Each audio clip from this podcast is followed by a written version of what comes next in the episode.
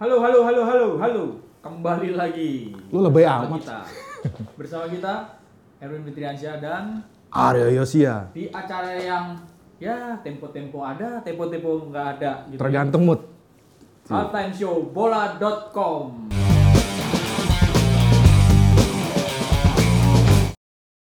Nah, kita punya sesuatu yang baru. Apa tuh? Udah lama nggak ketemu, punya sesuatu yang baru.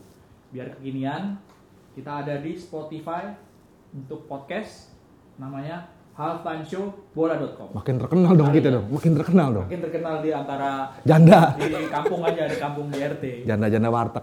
Yang tahu kami berdua doang ya soal janda warteg. Nah, kita mau bahas apa nih? Sekarang, setelah sekian lama. Pastinya Liga nih Win. Liga 1 ya, Shopee Liga 1 ya. 2020. Shopee Liga 1 2020. Mau mulai hari Sabtu, Ya, akhir pekan ini ya. akhir pekan. Laga Partai pembuka. pembukanya Persebaya lawan Persib. Persi Kediri. Derby Jawa Timur. Tapi kita nggak spesifik ngomongin itu. Karena udah terlalu mainstream. Biasa. Kita bahas tim-tim jagoan, tim-tim unggulan. Musim spesial nih ya. Dari Nah, siapa nih? Dari siapa dulu nih? Lu dulu deh, masternya kan. ya. Gua Persija. Wah. Persija. Nah, Persija ini juara dua musim yang lalu, tapi musim lalu susah nih, struggle. Iya, musim lalu mereka kayak ya, Tahu nggak kenapa? ya pelatihnya pindah ke Bali United satu, Hmm, perombakan pemain juga kan. Terus. Dan sebenarnya tuh si, si- sirkus apa siklusnya Liga Indonesia, Bro. Kurang satu, Habis juara biasanya kurang satu. Kenapa Persija? Kenapa eh, tuh? Apa? Ambles prestasinya. Marco Simic gak dari awal main, bro. Oh iya, tersandung kasus XXXX Ya, waktu di Australia. Terus faktor kedua, Persija pecah konsentrasinya. Main di Liga, Piala AFC. Piala Piala AFC, Sebelumnya playoff dulu ya, playoff. Piala Indonesia. Iya. Kan ada di tiga pertama apa tiga turnamen, tiga ajang. Marco Simic gak ada, pelatihnya pergi. Beberapa begitu aja masih final loh Piala Indonesia. Artinya dalam situasi sulit mereka final dong ketemu PSM. Oh iya. Yang rusuh itu yang ditimpukin dulu tuh di di Makassar. Betul, betul, betul. Ya menurut lu bagaimana Win? Apa musim ini akan seperti apa Persija? Ini faktornya Simic ya. Simic sama pelatih pelatihnya juga oke sih Sergio Varias. Pelatih- Lu barusan gue bilang dia iya. pernah latih di mana aja? Santos cing.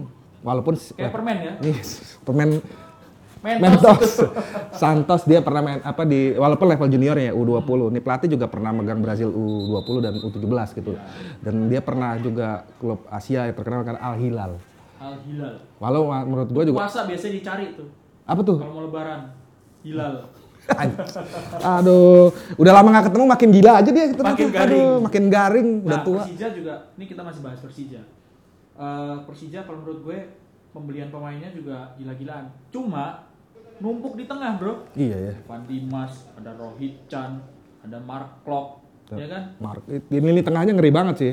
Iya, tapi numpuk di tengah. Sementara di belakangnya sebenarnya kan pemain-pemainnya udah mulai Maman, aman, ya udah masih dipertahankan. udah tua ya, udah Iya. udah veteran. Ryuji mungkin muda tapi jam terbangnya Muda berbahaya. Karena apa? Rawan kartu. Rawan kartu. Kemarin Piala kartu merah. Aduh. merah, Meskipun kontroversi sih ya. Di depannya oke lah masih ya. Ada Simic, ada Rico Simanjuntak. Satu nih.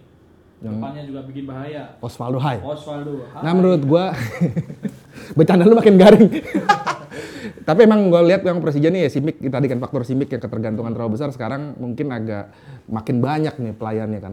Pelayan buat si Simic ya. Rico. Belum dari lini Cuman tengah kalau tadi. cedera Simic susah. Mereka nggak punya pengganti tapi ada pemain U Hersus kan udah dipinjemin. Iya Hersus. Ada pemain U jebolan U19 tuh siapa? Gua lupa namanya itu. Rafli, gue. Rafli. Rafli. Rafli Nus apa? Mursalim. Mursalim. Ganti klub. Gantian tuh sekarang. Yang kedua nih yang menarik juga mesti dibahas baru juara nih Persebaya. Juara Piala Gubernur. Gubernur Jatim menunjukkan bahwa mereka sebenarnya peringkat dua musim lalu tuh bukan sebuah kebetulan. Artinya ada ada- sesuatu yang kontinu gitu. Bahwa mereka memang terlihat memang akan menjadi tim yang berbahaya musim ini.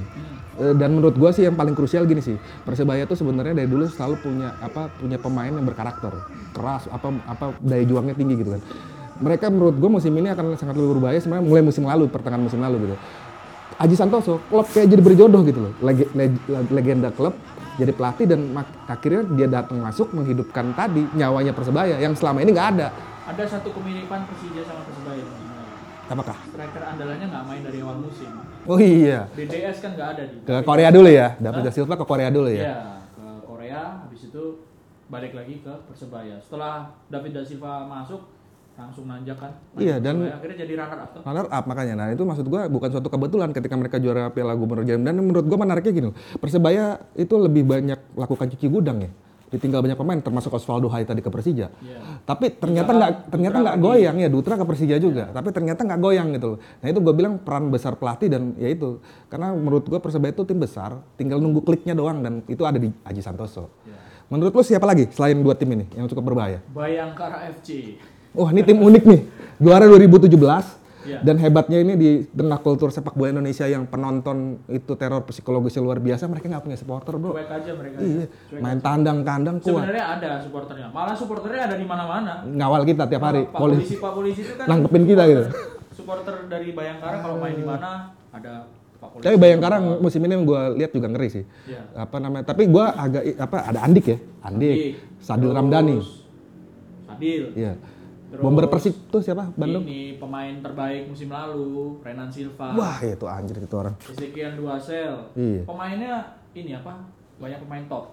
Cuma Nah, lu mau ngomongin pelatihnya ya pasti. Iya, Paul Muster. Gua bukannya eh, gua bukan gak respect sama pelatihnya, tapi dalam arti gini. Liga Indonesia keras, Bro. Ya. Musim lalu hampir seluruh tim melakukan pergantian pelatih dan itu dilakukan nggak cuma satu kali dua kali, ada tiga kali. Ada satu musim persebaya tiga kali. Ini beban buat pelatih. Kalau udah materi pemainnya bagus, kalau penampilannya nggak bagus, nah ini rawan. Iya. Dan kemarin kan udah kelihatan di Piala Gubernur Jatim, mereka punya kan sebenarnya masuk semifinal. Tapi kepleset di pertandingan terakhir dan kalahnya sama tim promosi Persik. Persik Kediri. Persik yang udah nggak punya peluang, justru ngalahin Iya. Bayangkara FC yang hanya butuh seri. Iya makanya gua lihat Paul Muster ini karena minim jam terbang di Indonesia, ya itu kan Indonesia itu kan persaingannya unik gitu loh. Lu nggak bisa bilang bahwa tim papan bawah itu selalu kalah terus. Iya. Tim kayak Persela itu kan luar biasa gitu kan mengejutkan tim besar. Itu mungkin Persik Kediri ini kan luar biasa. Seperti itu sih. Selain tim Bayangkara menurut lu siapa? Giliran lu dong, gue mulu, masa kan udah dua kali. Lu satu lagi. Borneo. Menurut Borneo. gua, Borneo. Enggak, Borneo kuda hitam dong. Wah, ya, salah sorry sorry. Bayangkara, Persebaya, ya kan? Persija. Satu lagi apa tadi? Ada yang tahu? Ada yang tahu? Arema. Arema enggak, berat lah. Iya berat lah. Kuda hitam kan di segmen 2. Sipura. Sipura kuda hitam juga. Persib, PSM, Sipura itu kuda hitam. Bali, Bali. Ah, Bali. Bagaimana sih? Kita nih yang ngasih tahu nih. Malu-maluin kita. Aduh. Udah Aduh. tua, lupa. Oh, iya. Gampang lupa. 40, Bali United gimana 40. menurut lu? Menurut gua ini tim mungkin uh, tim yang punya peluang besar untuk pertama kali back to back. Oh. Yakin gua. Ya maksudnya gua bukan Eh, jangan lupa Bali United main di Iya, nggak. Tapi artinya gini, apa dibanding banyak tim juara seperti misalnya Persija juara apa musim sebelumnya gitu kan. Gue Senayan nih takut jatuh nih, taruh sini dong. handphone mahal bro, handphone mahal. Kredit tapi. Ya. Bali United ini agak unik apa dibanding tim-tim juara di dalam tanda kutip di Liga Indonesia gitu ya. Eh, mereka sama sekali nggak banyak melakukan perubahan dan justru memperkuat timnya loh menurut gua. Pemain-pemain bagusnya Itu di, berubah dong berarti. Iya iya, tapi kan nggak kayak ekstrim. Contoh lo Persija nih. Ngeyel-ngeyelan lagi udah sama udah ya? nggak Pelatihnya lama ketemu sama. gini. Iya, pelatih masih sama. Iya. Yang ada kan menurut gua mereka menambah kekuatannya dengan pemain-pemain baru yang menurut gua bagus ada Lerby Aliandri. Mm-mm. Jadi kerangka tim yang jadi kekuatan mereka tuh nggak berubah. Iya, walaupun Irfan Badim pindah ke PSS Sleman, tapi kan Irfan Badim dua musim terakhir udah sering jadi cadangan. cadangan. Penggantinya menurut gua juga sepadan gitu. Dan menurut gua krusialnya mereka berhasil mempertahankan Spaso saya apa Spaso menurut gua. Karena Sergio. iya Paulo Sergio nih ibaratnya berjodoh kayak kita berdua. Enak. Jodoh lo sendiri, jodoh gua sendiri gitu ya. Maksudnya ya. Iya. Gua ngelihatnya bahwa apa dua pemain ini eh, sosok kunci lah produktivitasnya Bali United gitu loh. Jadi ada empat tim ya. Sudah bertahan Bali United, Persebaya, runner up, Ada lagi tambahan nggak? Ada yang terlewat? Ada yang terlewat? Enggak lah.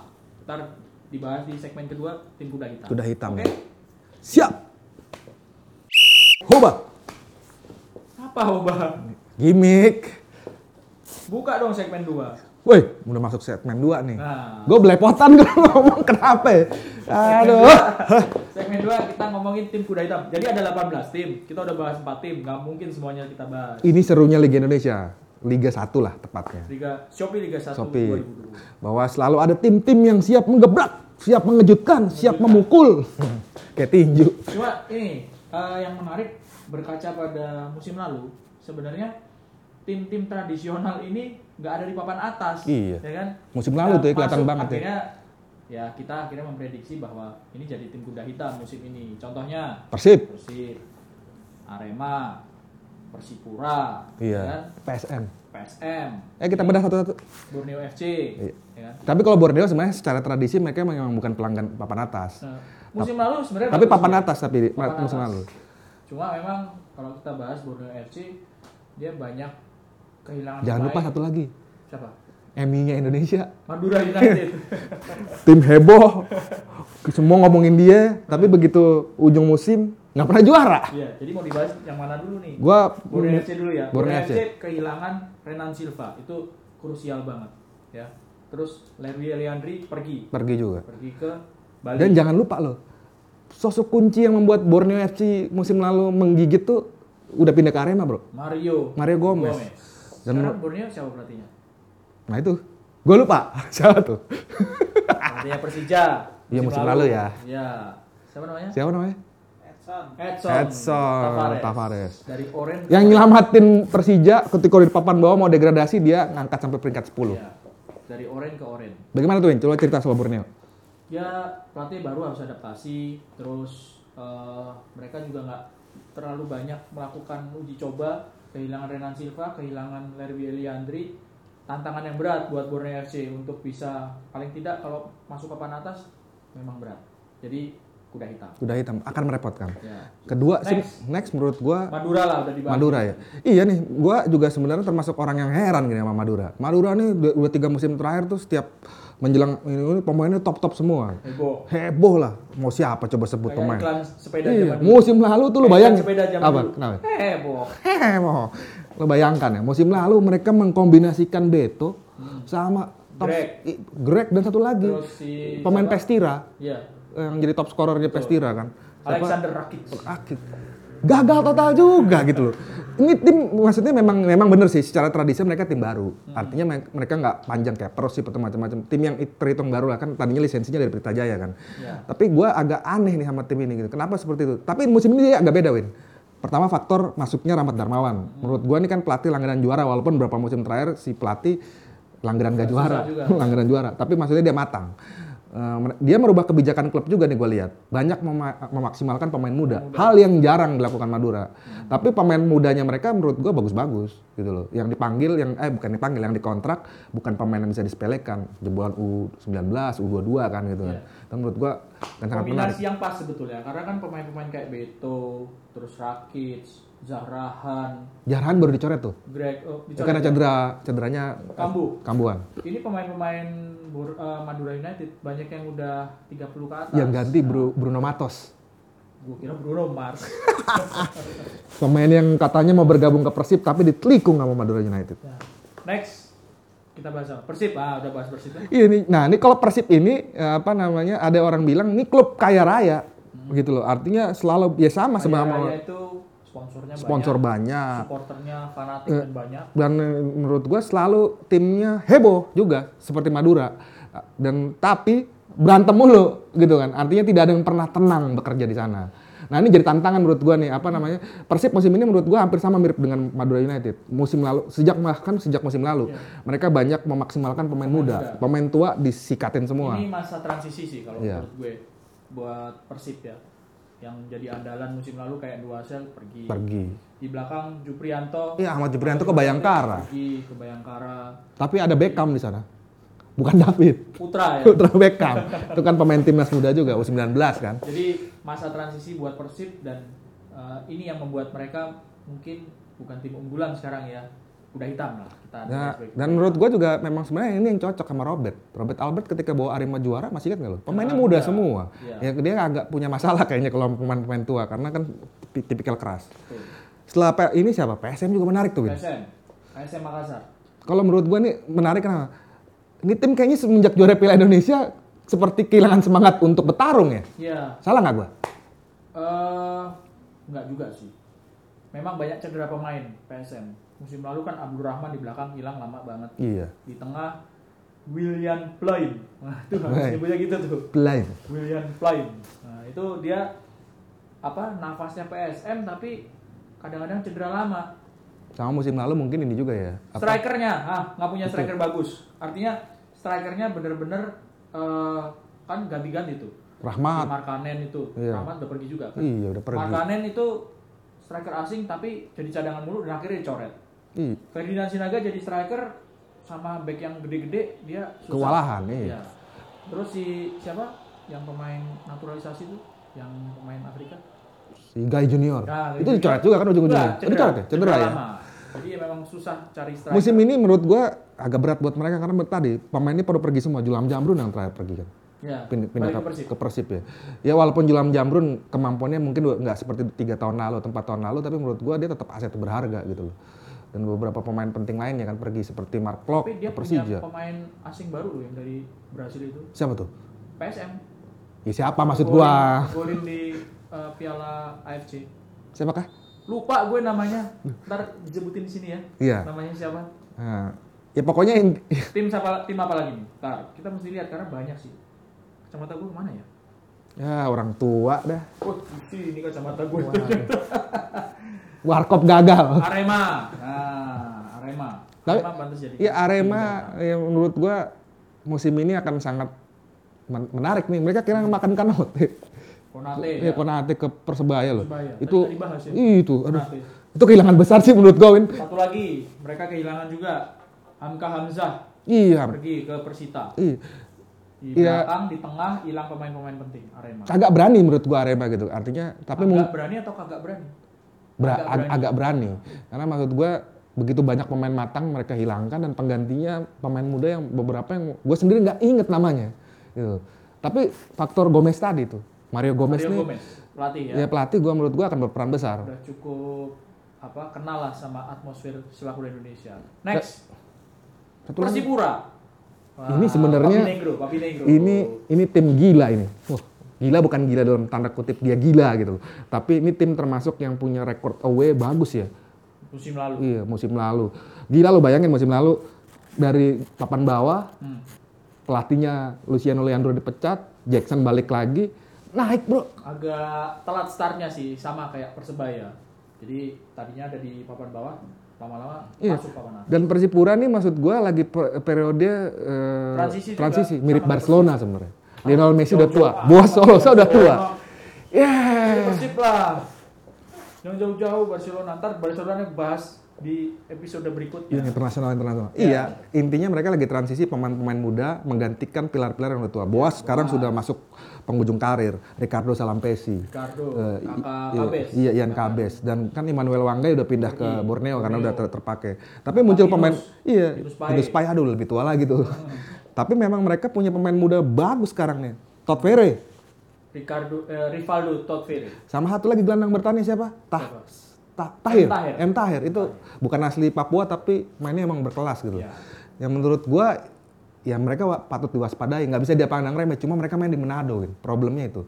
Cuman musim lalu kan mereka nggak punya kandang. Ya itu tadi gue bilang mereka tim UE-nya bagus Musim loh. lalu sudah mulai kandangnya di luar kan, karena stadion di Papua dipakai apa direnovasi untuk pon. Gua di antara tim-tim unggulan yang apa tim-tim kuda hitam yang lo sebut tadi, gua cenderung eh, meyakini Persipura itu bisa potensi besar untuk masuk Papan persaingan atas. juara. Papan atas ya. Iya, stabil di tiga besar malah. Karena menurut gua Jackson nih sama kayak tadi Haji Santoso, kliknya masuk Ke Persipura. Persipura. Emang berjodoh mereka dan dua-duanya legenda Persebaya, Bu. Betul. Masih banyak tim lain, ada PSIS, Persela, ya kan? Barito Putra gitu. Tapi mungkin itu akan jadi tim papan tengah ya. Jadi Penggembira, semenjana, eh, papan tengah lah. papan tengah lah. Papan tengah. Untuk apa? Untuk rame-ramein persaingan. Nggak masuk kuda hitam PSIS ya. PSIS juga, PSS Sleman. PSS Sleman. Ya. Cuman PSS Sleman kan jeda apa eh, pergantian pelatihnya Nggak mulus ya. Iya. Eduardo Perez murni gitu. cepat cepat banget gitu. Jadi eh, Dejan Antonik baru masuk, habis itu langsung kompetisi. Agak-agak riskan juga. Bukan. Legend Antonik. Bener Dejan Antonik. Oh sih, sekarang terakhir. Luis PSS. Eduardo udah pindah maksud gua. Gua ngomongin Luis Eduardo, pelatih kiper yang dipaksakan menjadi pelatih utama. Iya pindah. Iya, habis iya. itu Dejan Antonik yang dikontrak. Info baru tuh. Mana? Top top. Info baru. gua baru tahu maksudnya. Inilah di halftime show. Apa pun bisa terjadi. Termasuk kita lupa. Iya. Termasuk Gua agak kaget makanya, "Eh, Dejan Antonik. Berarti bisa diperhitungkan juga tuh, Win. karena ini pelatih bagus juga gitu loh. Gua kaget gitu kan. Karena kemarin kalau Eduardo Perez gua bukan meremehkan. Oke, dia tuh asisten Luis Milla. Tapi doi pelatih kiper, Bro. Pelatih kiper. Pelatih kiper gitu loh. Ya, gua bukan meremehkan pelatih kiper. Maksudnya lu udah jago jadi kiper lah, gitu pelatih kiper. Jangan lu kemudian cawe-cawe jadi pelatih ini gitu. Walaupun sebenarnya juga Teko. Ada juga di Nozok kan dulu kiper jadi pelatih timnas Itali. Wah, iya ya benar juga ya. Eh, iya gak sih? Bener ya? Bener nggak? Produser, bener nggak? Oh benar. Udah, ini segmen kedua selesai ya. Nanti Lanjut segmen tiga lah. segmen tiga. Makin ngaco. Segmen ketiga kita bahas Segmen terakhir nih ya. Iya, tim promosi. Tim promosi pertama Persiraja Banda Aceh. Waduh, temen lu gue denger jadi pelatih di sana. Siapa kan dia? Hendry Susilo. Gue pernah tuh main bola bareng sama coach Hendry. Tapi gue gak nyangka juga ya, sampai juga ke titik ini gitu loh. Bo- Klub promosi tuh buat gue, respect gue gede buat dia. Iya, dan Villa ya? Villa 2000 pemain-pemain- dia? Bukan? Iya, ngandelin pemain-pemain lokal, Bro. Wih, itu gila. man. Pemain asal Aceh ya.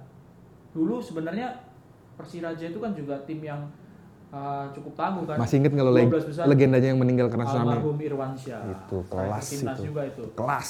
Di tahun-tahun 90-an tuh Persiraja ada di 12 besar kalau dulu zaman uh, apa kompetisi liga Terbagi dua wilayah atau tiga wilayah, ya. Ada 12 besar. Persiraja berapa kali masuk. Jadi memang sebenarnya punya DNA tim tangguh sama kayak PSS, PSS Sleman. Cuma udah lama mati suri lah ya. Artinya Iya. terpendam di divisi 2 dan divisi 3 lah.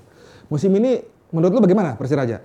Masih kayaknya mereka juga banyak Ini apa? mereka rawan sih kalau menurut gue. Iya Rawan agak-agak. untuk turun lagi gitu. Kalau misalnya startnya nggak terlalu bagus, susah mereka ngejarnya. Jadi perlu tim-tim tim besar, terus pelatihnya eh, pas, itu startnya nggak bagus bisa jadi bagus kayak persebaya sama persipura. Tapi kalau persiraja, tim promosi, mereka juga nggak selalu bisa main di kandang mungkin ya nanti pas bulan Bulan puasa mereka musafir kan. Nah, terus pelatihnya juga ini kan oke lah pernah jadi asistennya Iwan Setiawan Di di, timnas U17. eh, Borneo. Oh Borneo, di Borneo ya? Tapi pengalaman jadi pelatih kepala ini bisa dibilang coach Henry ini eh, cukup masih hijau lah, masih hijau. Cuma memang keuntungan mereka cuma satu sih menurut gue, Win. Apa? Jalur neraka kan kalau ke Oh, jauh Aceh. ya? Jauh lah, artinya itu menguras stamina. Biasanya eh, sering kejadian yang seperti lo cerita waktu Persiraja berjaya itu kan banyak tim-tim yang tamu tuh kan terkaparnya karena kelelahan di sana kan. Capean. Jalan capean. Ya. Ini PR berat juga gitu. Tapi ya, gue juga sepakat sama lo bahwa Persiraja Kawan. rawan ya untuk bertahan lebih dari satu musim ya. Ya. Selanjutnya siapa? Kembalinya legenda. Ini susah amat. Kembalinya legenda. Siapa? Persik Kediri. Persik Kediri. Juara Liga 2 musim lalu. Eh, juara? Juara kan ya? Persik Kediri. Juara. Persik Kediri itu juga pernah juara Liga Indonesia. Iya. Ditangani pelatih Jaya Hartono. Jaya Harto 2003 dan 2006. 2003 2006. Iya, Dan top top pemainnya. Danilo Fernando. Gonzales, Eloko Gonzales. Ronald Fagundes, Iya. ya kan? Musikan. Musikan. Ke mana tuh musikan? Kayak teman kita dulu di tempat kantor lama ya. Itu sekarang mereka kembali lagi. Ini juga agak rawan sih Persik Kediri. Karena oke materi pemainnya mereka kayaknya kalah cepat untuk ngambil. Joko Ada satu- Susilo ya pelatihnya mantan pelatih Susilo. Arema ya. Betul. Ada satu pemain asing bekasnya Madura United. Siapa? Ante Bakmas. Nah, ini lumayan lah. Udah tahu. Sisanya nih bagaimana menurut lu? Agak berat udah ya. tahu apa udah tahu gimana atmosfer Liga Indonesia. Cuman memang terus terang berat. Persik Kediri nanti pembukaan kita bisa lihat. Iya makanya. Tapi kemarin di Piala Gubernur Jatim ya tadi agak mengejutkan kita memukul Bayangkara. Karena menurut gua juga kalau lo balik lagi ke zaman 2003, dulu juga nggak ada yang pernah nganggap Persik Kediri loh. Masih ingat nggak lo? Iya. Baru promosi, Baru promosi, promosi juga kan. juara. Dan ini kali jalurnya tuh hampir sama, Win. Betul. Dia juara divisi 2 dulu, nah eh dia divisi 3 malah dulu Liga kan. dua. 3 ya ya du, Sekarang enggak ya, kalau Liga 2 kan. Kalau dulu kan divisi 3 naik-naik Divisi 2 juara, naik ke divisi 1. Divisi 1 juara, naik ke divisi utama Juara langsung juga. juara. Jadi Langsung juara juga. kali. jalurnya sama. Promosi Dan dulu nggak ada yang kenal namanya musikan. Oke, apa geleng-geleng. Iya. Tua ya kita. Asik. Jurgen Klopp zaman main dong. Ah, Otto Rehagel. ya. Agak. iya. Jadi kita maksudnya gue juga ngelihat waktu 2003 Persik juga sama kita ngomongin ah kayaknya nggak mungkin nih. Cuma materi pemain pengaruh sih, Bro, kalau menurut gue. Sekarang musim ini lebih Iya. lebih ini ya. Jadi kalau mere- mereka startnya nggak bagus, ini bahaya sama kayak Persiraja. Oke, tim selanjutnya Selanjutnya kembalinya juga Pendekar, pendekar dari pinggir Jakarta Pendekar Cisadane. Cisadane. Persita Tangerang. Persita Tangerang paling siap menurut gua nih. Sama Tim kayak- promosi paling siap. sama kayak Persik. dulu di era 2000-an awal sempat berjaya. Masih inget nggak lo duet maut mereka? Ilham Sama satu Zainal lagi Arif. Jainal Arif. Itu dulu legend tuh dua-duanya tuh. pelatihnya Om Beni. Iya, Om Benny Dolo. betul. Lagi sakit tuh sekarang. Stri- eh, Kita doakan buat Om Benny lah sembuh. Firman Utina. Jadi Persita sekarang ada Hamka, ya kan? Pelatihnya dulu deh. Widodo Ciputra. Widodo, ya. Pernah di timnas, pernah nanganin klub-klub juga di Liga 1. Ada Hamka Hamzah, siapa lagi? Gue sih ingetnya ada Jantra terus kenapa? Legendnya mereka sekarang gitu kan. Pemain apa penyerangnya mereka yang sekarang yang maksudnya dia klub ini terpuruk dia Gelandang tengah dia, yang nggak pindah-pindah. nggak pindah-pindah. Ya. Jadi Persita ini mereka punya modal supporternya banyak. Stadionnya bagus. Stadionnya udah bagus ya. Stadion bagus di Tangerang. Punya modal lah. Dibandingkan dengan Persija sama Persik.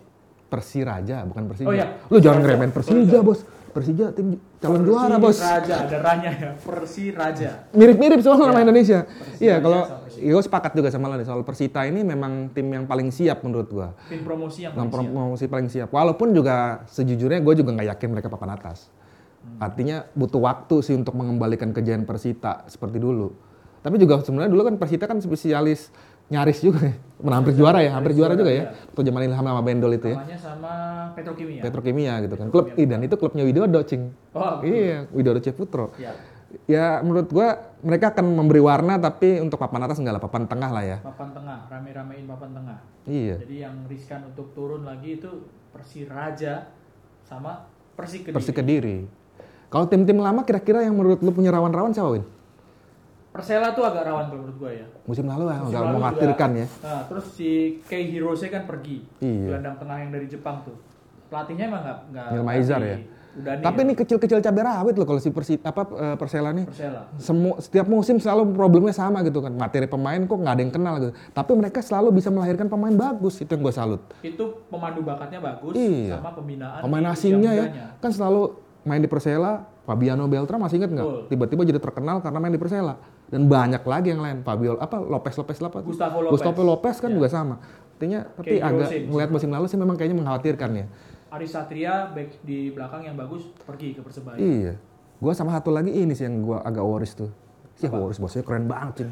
worries too much. Apa? Ini Ba- Barito. Barito sama PSIS sih. Iya. Agak-agak riskan juga dia. Barito tuh menurut gua apa namanya pembelian pemainnya selalu agak-agak bermasalah gitu loh. Karena artinya masuk nggak cocok sama pelatihnya keluar. Padahal pemainnya di klub lain sukses gitu kan. Si Kayak, Tanggang pergi ke Persik. iya. Paulus si Tanggang. nggak usah jauh-jauh siapa si Gavin Kwan kan cuma pemain bagus gitu Iya. entah kenapa musim lalu di di Barito nggak bagus dia udah pindah ke Bali United ya mungkin moga-moga kerja keras buat dari Janur sih Jajang Nurjaman. Jajang Nur Jaman ah, jujur ribet banget Jajang Nur Jaman pun musim lalu kan kasihan Win dipecatnya di bus di di bus Win sama? Persebaya? Persebaya Persebaya. iya tapi ya maksud gua nasibnya dia mungkin memang di sana kali ya Oh, Oke. Pembukaan Persebaya lawan Persik hari Sabtu. jagoan mana lo Shopee Liga 1. jagoan mana Ya Persebaya dong. ya pasti sih ya Jagoin Persebaya. Mainnya di kandang Persebaya kan. kira-kira Kita ada prediksi nggak nih? Oh ya teman-teman, kita juga mau ini nih, teman-teman dari awak redaksi bola.com akan memprediksi siapa-siapa saja tim unggulan. Hampir sama mirip kayak kita, tapi kan perlu mendapat perspektif berbeda. Setuju? Disebutin ntar siapa unggulannya siapa. Siap. Buat Liga 1 2020 cukup banyak sebenarnya yang potensi buat jadi juara. Ada Persija, ada Persebaya, Persipura, bahkan Bayangkara FC juga punya skuad yang cukup baik. Cuman kalau bicara persaingan jadi juara, mungkin ada Persija, Persebaya ya, di mana Persija tuh kemarin pembelian pemainnya juga bagus, mendatangkan Evan Dimas, Osvaldo, Mark Klok, kemudian di Persebaya juga datengin makan Konate dan mereka yang musim lalu menjadi runner up Liga 1 2019 kemarin baru aja juara pramusim di Piala Gubernur Jatim. Jadi ya mungkin persaingannya di dua klub itu aja berbicara tentang siapa yang akan menjadi juara di Shopee Liga 1 2020 hmm, tidak terlepas dari empat tim kalau prediksi saya ya Uh, mereka adalah uh, Persebaya Surabaya, Persija Jakarta, Bayangkara FC dan sang juara bertahan Bali United. Tapi kalau mau dikerucutkan lagi sebenarnya kalau melihat sejarahnya sangat jarang yang bisa back to back artinya eh, gelar juara akan menjadi perebutan antara tiga tim besar yaitu Persebaya, Persija Jakarta dan uh, Bayang Bayangkara FC. Mereka ketiga ini memiliki kekuatan yang sangat seimbang. Bayangkara kita tahu di bursa transfer sangat aktif, mereka mendatangkan uh, Andik Firmansyah dan uh, legion-legion yang memang berkelas. Kemudian Persija kita sudah saksikan juga penampilannya di pramusim kemarin. Tidak cuma Marco Simic, mereka juga sekarang sudah punya Evan Dimas. Kemudian uh, Persebaya juga sama di tangan Aji Santoso juga mereka punya segudang senjata yang bisa membuat persaingan di Shopee Liga 1 2020 akan semakin ketat. Udah Lanjut. kelar nih. Udah nih. Udah capek juga nungguin kita Bro. semua nih. Nah, udah cukup. Sekarang kita tutup halftime show. Insya Allah akan rutin dibuat. Kami Karena mencoba kita- konsisten. Ya, karena kita punya uh, podcastnya di Spotify. Nah, sekarang. itu yang penting Jadi, tuh, yang baru Halftime podcast Show, tadi ya. Diam dulu ah, orang ini mau nyebutin mau ngomong juga. Udah lama. Halftimeshowbola.com, oke? Nih, kalau lu kelewatan, kalian-kalian kelewatan, kelewatan tuh keterlaluan dong. Kebangetan. Kalau- misalnya yang nggak sempet nonton, dengerin lewat podcast. Biar kita kekinian. Paling enggak kalian tuh bisa apa namanya? Lama closing aja ya. Sampai Ya, ya. ketemu Iya minggu deh. depan. Minggu depan ya.